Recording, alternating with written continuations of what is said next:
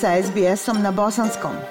Pronađite još sjajnih priča na sbs.com.au kosacrta bosnijan.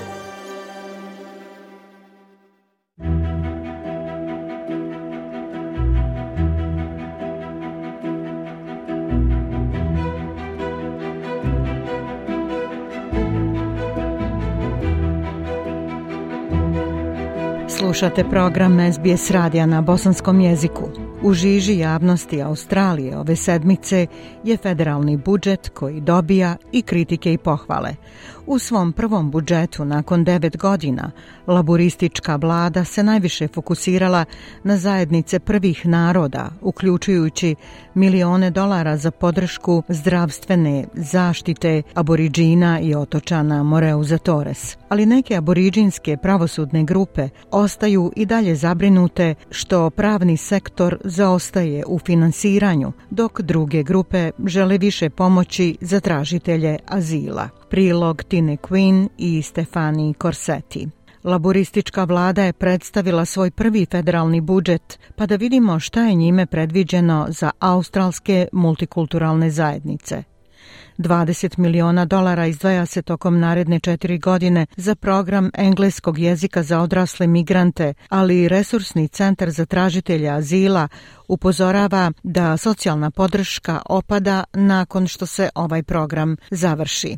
Oko 18 miliona dolara biće utrošeno u istom periodu za uspostavljanje programa grantova za škole jezika u zajednici, a koji će pomoći većem broju mladih australaca da nauče drugi jezik. Vlada kaže da će potrošiti 1 milion dolara u dvije godine na reviziju multikulturalnih politika Australije u nastojanju da ojača socijalnu koheziju.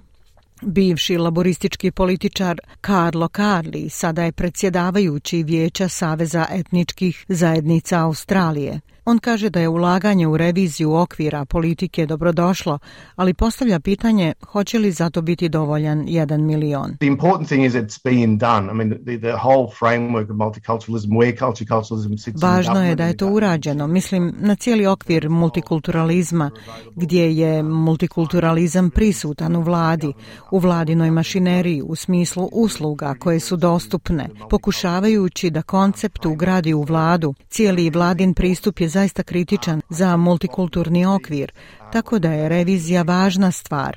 Mislim da će organizacije u tom sektoru morati i same doprinijeti tom procesu, jer milion dolara ne traje dugo. Albanizijeva vlada također proširuje australijski program trajnih migracija i nada se da će smanjiti zaostale vizne obaveze. Demografkinja dr. Liz Allen sa Australskog nacionalnog univerziteta kaže da vlada pokušava da poboljša imidž zemlje u inostranstvu. Australia has a significant amount of work to do to rebuild its brand overseas. Australija ima puno posla da uradi kako bi obnovila svoj imidž u inostranstvu, posebno nakon što je bivši premijer rekao migrantima u Australiji da idu kući. Njihov dom je bio ovdje. Ono što vidimo s novom vladom je stav dobrodošlice migrantima i spoznaja da je Australija otvorena za posao, da se vratila i da pozdravlja migrante da dođu u Australiju kako bi izgradili svoj život ovdje.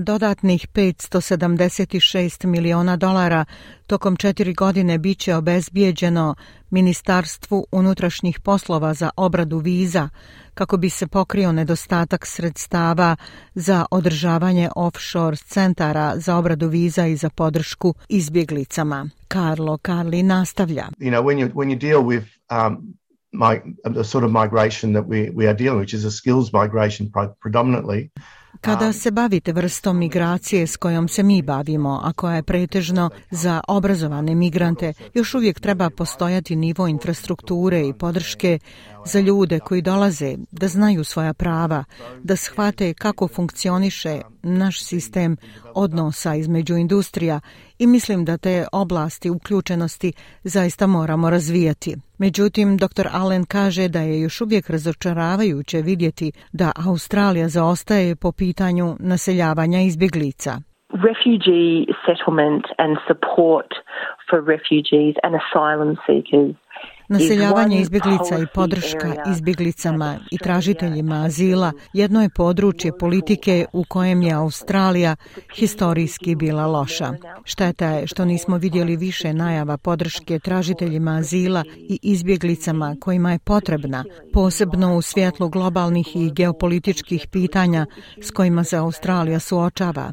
Ali nadam se da ćemo vremenom, s obzirom na strategiju koju je ova vlada zauzela, u ne tako dalekoj budućnosti možda vidjeti ozbiljni pristup u smještaju tražitelja azila i podršci izbjeglicama. Kada je riječ o autohtonim zajednicama, stotine miliona dolara budžeta predviđaju se za zdravstvenu zaštitu prvih naroda, socijalnom stanovanju, pravosuđu, ali i za konačnu realizaciju uvođenja glasa autohtonog stanovništva u parlament. U narednih pet godina 314 miliona dolara izdvojeće se za inicijativu inicijative u zdravstvenoj zaštiti starosjedilačkog stanovništva, uz obećanje da će se glas parlamentu prvih naroda unijeti u ustav kao ključno opredjeljenje laburista na izborima. 75 miliona dolara je predviđeno za pripremne radove na organizovanju referenduma. Socijalno stanovanje će dobiti financijsko povećanje nakon što je Savezna vlada postigla dogovor sa vladom sjeverne teritorije o većem ulaganju u infrastrukturne projekte za pripadnike prvih nacija. Dok će pravne službe za aboriđine i otočane Moreuza Torres širom zemlje također dobiti 13,5 miliona dolara za pomoć porodicama koje traže pravdu tokom istrage o smrti najmilijih. Međutim, Jamie McConaughey iz Nacionalne pravne službe za aboriđine i otočane Torresovog Moreuza kaže da se pravni sektor i dalje osjeća iznevjerenim. It is concerning that the Aboriginal and Torres Strait Islander legal services, the ATSLs, were not considered in this budget. Zabrinjavajuće je da pravne službe aboriđina i otočana Torresovog tjesnaca nisu uzete u obzir u ovom budžetu. Dakle, nedostatak finansiranja neizbježno pokazuje da će pravne službe aboriđina nastaviti apsorbirati pritiske.